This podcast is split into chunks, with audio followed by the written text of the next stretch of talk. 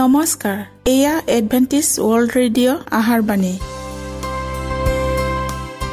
ঊনৈছ মিটাৰ বেণ্ডত পোন্ধৰ হাজাৰ পাঁচশ পঞ্চাছ কিলো হাজত। এডভেণ্টিছ ৱৰ্ল্ড ৰেডিঅ' যোগে অসমীয়া ভাষাত প্ৰচাৰিত আহাৰবাণী প্ৰত্যেক বুধবাৰ আৰু দেওবাৰ সন্ধিয়া সাত বজাত আহাৰবাণী শুনাৰ পিছত আপোনালোকৰ কিবা মন্তব্য আৰু প্ৰশ্ন থাকিলে আমালৈ এই ঠিকনাত লিখক। আমাৰ ঠিকনাটি হৈছে Adventist world radio' seven day Adventist মণ্ডলী অসম শাখা লতাকাটা বশিষ্ট গুৱাহাটী সাত আঠ এক শূন্য দুই ন।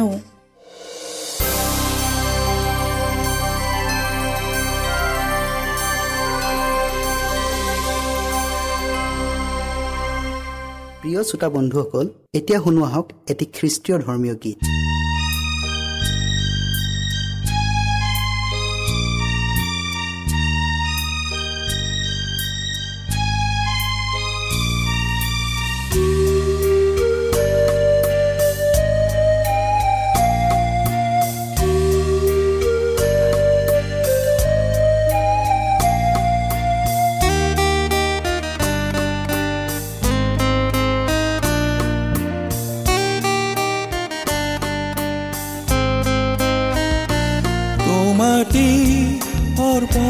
কৰো প্ৰভু জীৱনৰে প্ৰতিটো খন তোমাটি আঁঠুলৈছো প্ৰভু বিচাৰি শান্তিৰিণী তোমাটি অৰ্পণ কৰো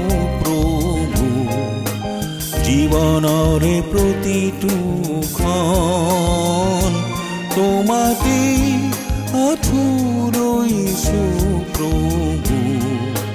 বিচাৰি শান্তিৰে নীৰ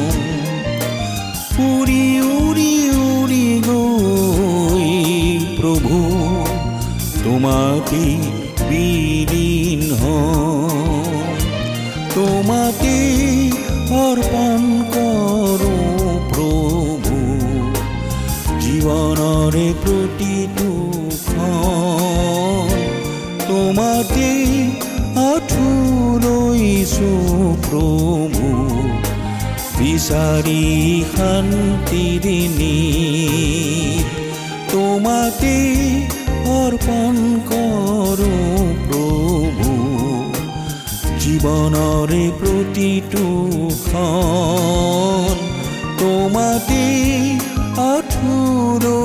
আঁঠুলৈছো প্ৰভু বিচাৰি শান্তিৰে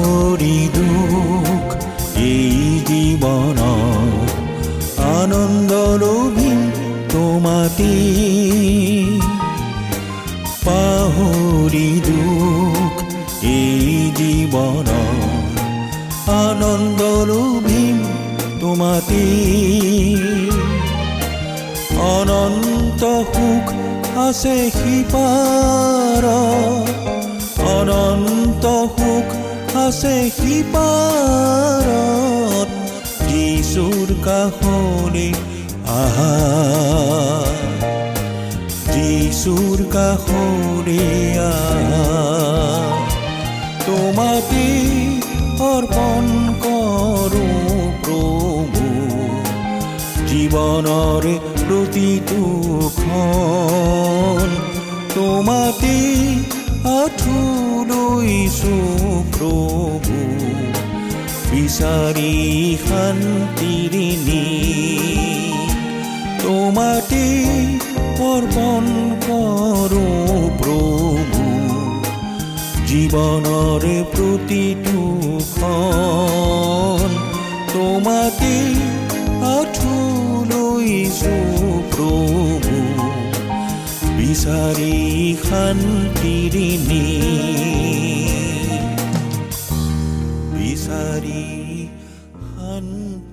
প্ৰিয় শ্ৰোতা বন্ধুসকল আহক আমি খন্তেক সময় বাইবেল অধ্যয়ন কৰোঁ।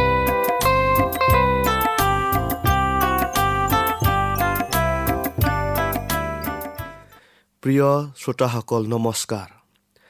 আজি আমি যীশুখ্ৰীষ্টই দিয়া দৃষ্টান্ত বিনয়ীবনৰ বিষয়ে অধ্যয়ন কৰোঁ। হওক শাস্ত্ৰপদ আপোনালোকে পঢ়িব পাৰিব। মঠি তেৰ অধ্যায়ৰ ছাব্বিছ পদৰ পৰা ত্ৰিছ পদলৈ আৰু সাতাইছ পদৰ পৰা চৌৱাল্লিছ পদলৈ। বিষয়টি আগবঢ়াৰ আগতে আহক আমি প্ৰাৰ্থনা কৰোঁ। হওক সেই সৰ্বশক্তিমান ঈশ্বৰ যি হোৱা তোমাক ধন্যবাদ দিছোঁ প্ৰভু। কিয়নো তুমি আমাক এই সুন্দৰ সময় আকৌ দিলা। প্ৰভু আমি এতিয়া বিনয়ীবন দৃষ্টান্তৰ বিষয়ে অধ্যয়ন কৰিবলৈ আগবঢ়াইছোঁ।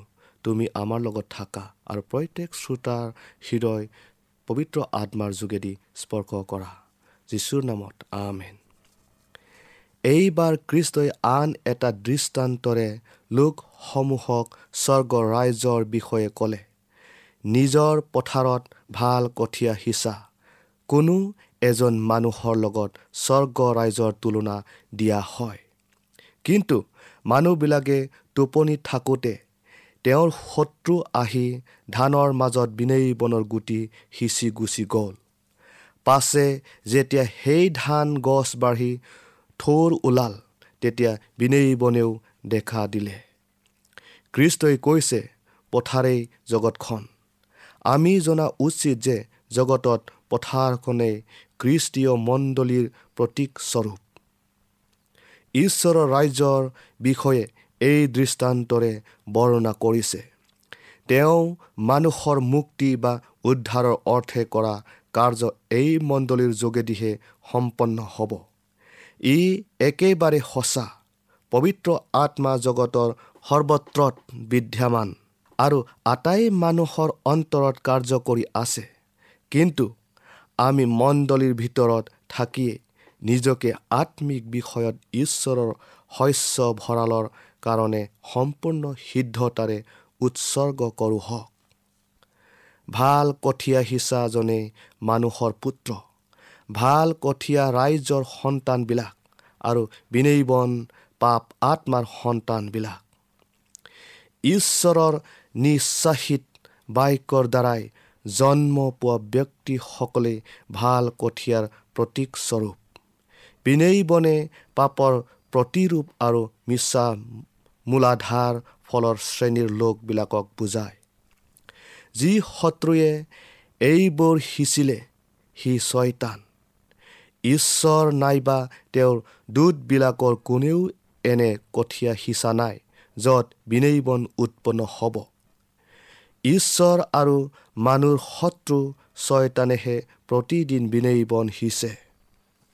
প্ৰাচ্য দেশবোৰত মানুহবিলাকে শত্ৰুৰ ওপৰত প্ৰতিশোধ ল'বলৈ নকৈ চহাই থোৱা মাটিত অনিষ্টকৰ কঠীয়া কণীও গম নোপোৱাকৈ মনে মনে ছটিয়াই থৈ যায়।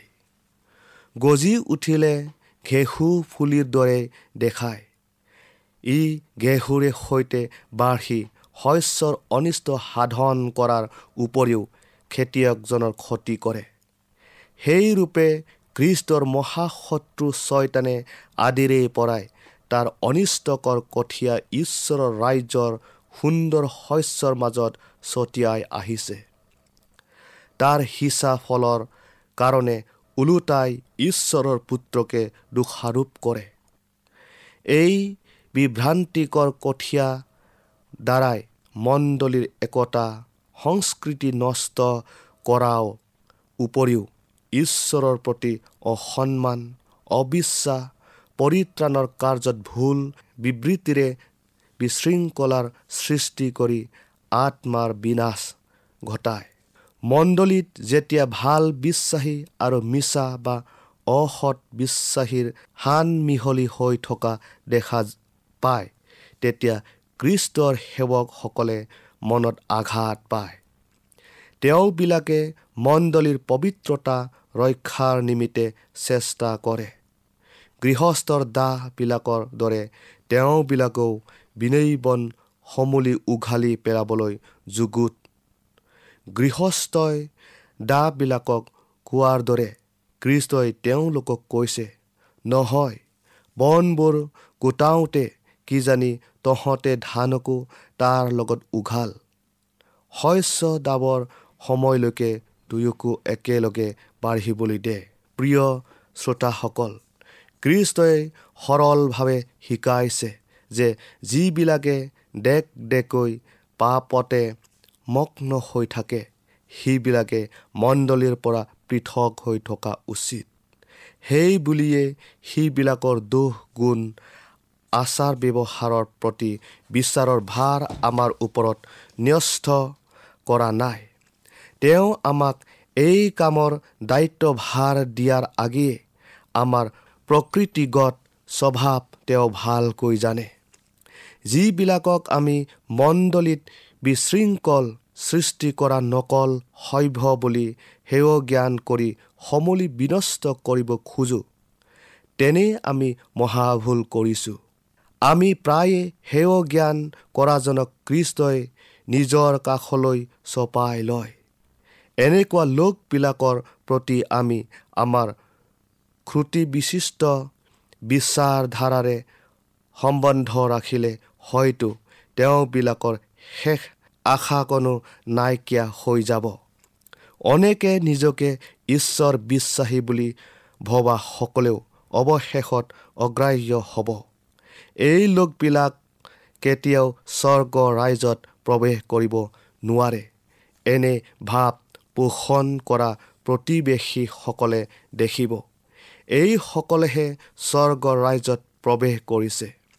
মানুহে বাহ্যিক ৰূপ চাই বিচাৰ কৰে কিন্তু ঈশ্বৰে অন্তৰ চাই বিচাৰ কৰে। বিনয়বন আৰু ঘেঁহু শস্য নোদোৱালৈকে একেলগে বাঢ়ক। আৰু শস্য দোৱাৰ অনুগ্ৰহৰ সময় অতীত। ত্ৰাণকৰ্তা জনাৰ বাইকত আন এটা শিক্ষাও আছে দীৰ্ঘ সহিষ্ণুতা আৰু মৃদু প্ৰেম। বিনয়বন যেনেকৈ ভাল শস্যৰ নিচেই কাষতে গজি শিপাই সৈতে মেৰিয়াই ধৰে সেই একেদৰে মণ্ডলীত মিছলীয়া ভাইবিলাকেও প্ৰকৃত আৰু সত্য দলৰ সৈতে নিবিড় সংযোগ ৰাখিব পাৰে। প্ৰথম অৱস্থাত এনে ভাও ধৰা লোকৰ প্ৰকৃত স্বৰূপ সম্পূৰ্ণ প্ৰকাশ নাপায়। তেওঁবিলাকক মণ্ডলীৰ পৰা পৃথক কৰিলেও কিছুমানৰ উজুতি খোৱাৰ কাৰণ হ'ব পাৰে কিন্তু প্ৰকৃত বিশ্বাসীজন দৃঢ় হৈ থাকিব। প্ৰিয় শ্ৰোতাসকল এই দৃষ্টান্তৰ শিক্ষাই ব্যাখ্যা সহিত মানুহ আৰু দূতৰ সৈতে ঈশ্বৰৰ নিজা আচৰণ কেনেকুৱা দেখুৱাইছে।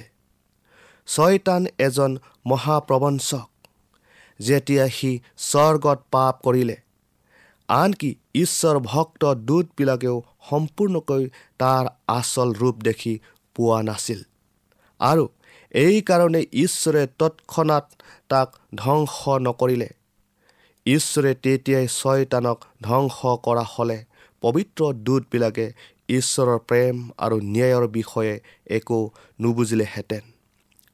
ঈশ্বৰৰ সাধুতাৰ প্ৰতি সন্দেহ দুষ্টৰ কঠীয়াৰ তিত্ত ফলৰ পৰা পাপ আৰু সন্তাপৰ উৎপন্ন হোৱাৰ দৰে হ'লেহেঁতেন। সেয়েহে দূতৰ আদিকৰ্তা ছয়তানক অব্যাহতি দিয়া হ'লে যাতে তাৰ প্ৰকৃত স্বৰূপ প্ৰকাশ পায়।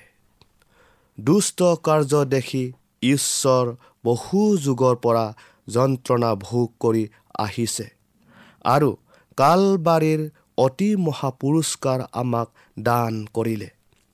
যেন দুষ্টজনৰ মিছা বিবৃতিৰ দ্বাৰাই প্ৰতাৰিত নহওঁ।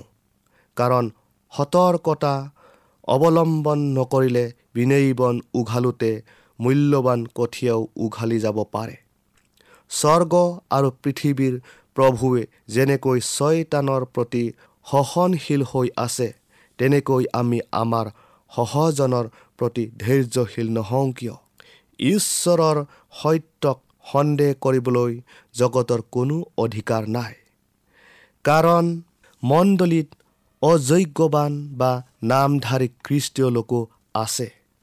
আৰু এই মিছলীয়া ভাইবিলাকৰ কাৰণে ঈশ্বৰ বিশ্বাসীজন নিৰুৎসাহ হৈ উচিত নহয়। প্ৰেৰিতিক মণ্ডলীটো তেনে ৰূপ অৱস্থা হৈছিল। অননীয় আৰু চাফিৰাই শিষ্যবিলাকৰ লগ ল'লে। মায়াবী চিমনে বাপ্তিস্ম ল'লে। বিশ্বাসী বুলি গণিত হোৱাটো ডিমাই পৌলৰ লগ এৰিলে। ইস্কৰিয়তীয়া যীহুদা পাচনিবিলাকৰ এজন আছিল। উদ্ধাৰকৰ্তাজনাই কোনো প্ৰাণী বিনষ্ট হোৱাটো বাঞ্ছা নকৰে।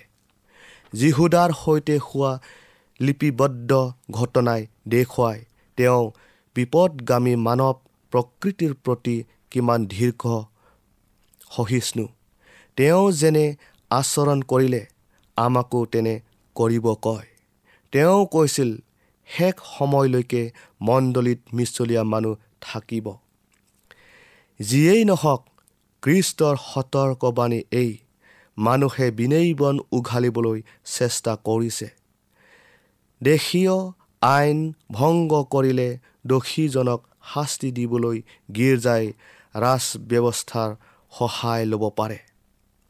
যিসকল ব্যক্তিয়ে নিজকে কৃষ্টৰ দ্বাৰাই মনোনীত গীৰ্জাৰ সৰ্তা কৰ্তা বুলি দাসকোপ মাৰে তেনে ব্যক্তিসকলে গীৰ্জাৰ নীতি নিয়ম উলংঘন কৰা সকলক নানা হাৰাশাস্তি উৎপীড়ন অত্যাচাৰ কৰি বন্দীশালত নিক্ষেপ কৰে। উক্ত ব্যক্তিসকল ছয়তানৰ আত্মাৰ দ্বাৰাই পৰিচালিত হৈ এনে নিজ কাৰ্যবোৰ কৰে আৰু এয়া কৃষ্টৰ আত্মা নহয়। সমগ্ৰ বিশ্বকে ছয়তানে তাৰ অধীনত অনাৰ এয়া তাৰ নিজস্ব কুকল্পনা। এইদৰে গীৰ্জাই ধৰ্ম বিৰোধীবিলাকৰ সৈতে মিত্ৰতা কৰি ঈশ্বৰৰ বিকৃত ৰূপ প্ৰকাশ কৰিছে। প্ৰিয়সকল আনক দোষী সাব্যস্তকৰণ আৰু দণ্ডাজ্ঞা এইবোৰ নহয় কিন্তু নিজৰ প্ৰতি অবিশ্বাস আৰু অমানৱীয় নহ'বলৈ কৃষ্টৰ দৃষ্টান্তৰ শিক্ষা আছিল। পথাৰত সিঁচা আটাইবোৰেই ভাল কঠীয়া নহয়।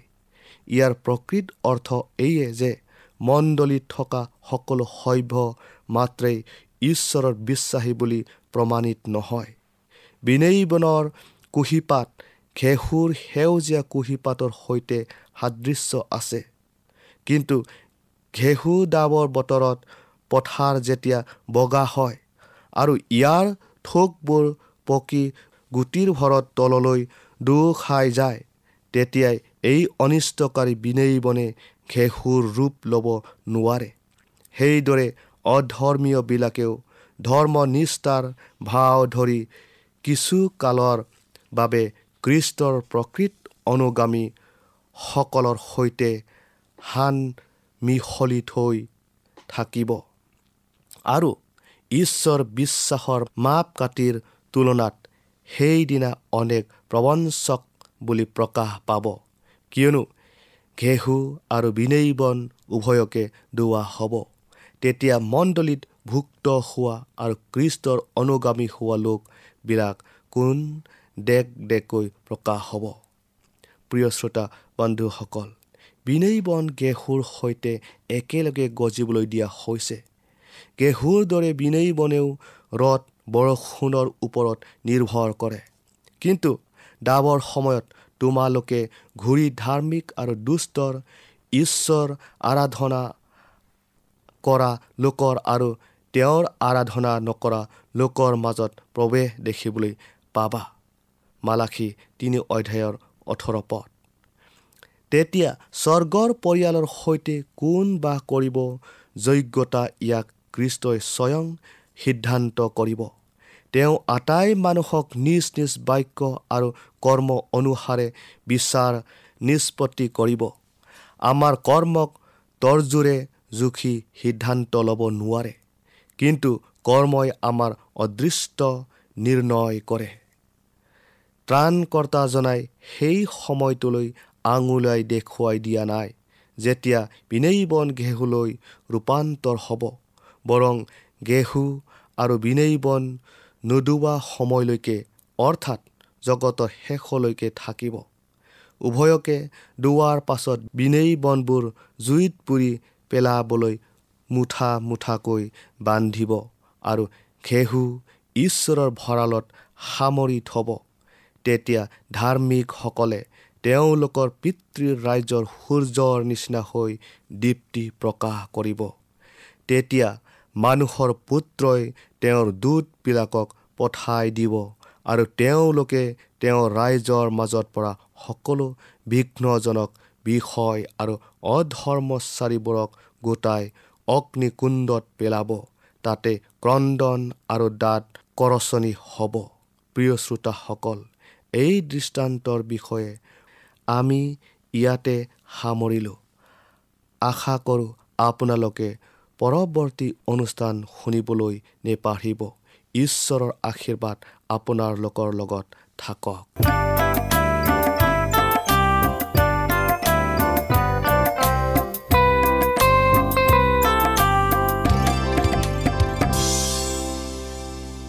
ইমানপৰে আমি বাইবেল অধ্যয়ন কৰিলোঁ এতিয়া আকৌ শুনো আহক এটি খ্ৰীষ্টীয় ধৰ্মীয় গীত।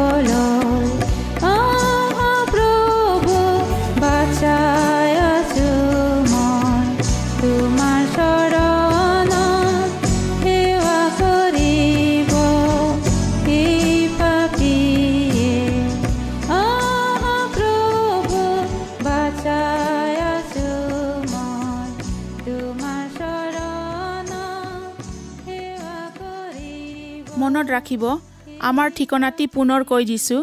Adventist world radio' Assam region of seven day Adventist voice of hope Lotakata Basistha Guwahati seven eight one zero' two nine প্ৰিয় শ্ৰোতা বন্ধুসকল এডভেণ্টিজ ৱৰ্ল্ড ৰেডিঅ' যোগে আহাৰবাণী প্ৰচাৰত আপোনালোকক পুনৰ লগ পোৱাৰ আহাৰে আজিলৈ সামৰিলোঁ। ধন্যবাদ।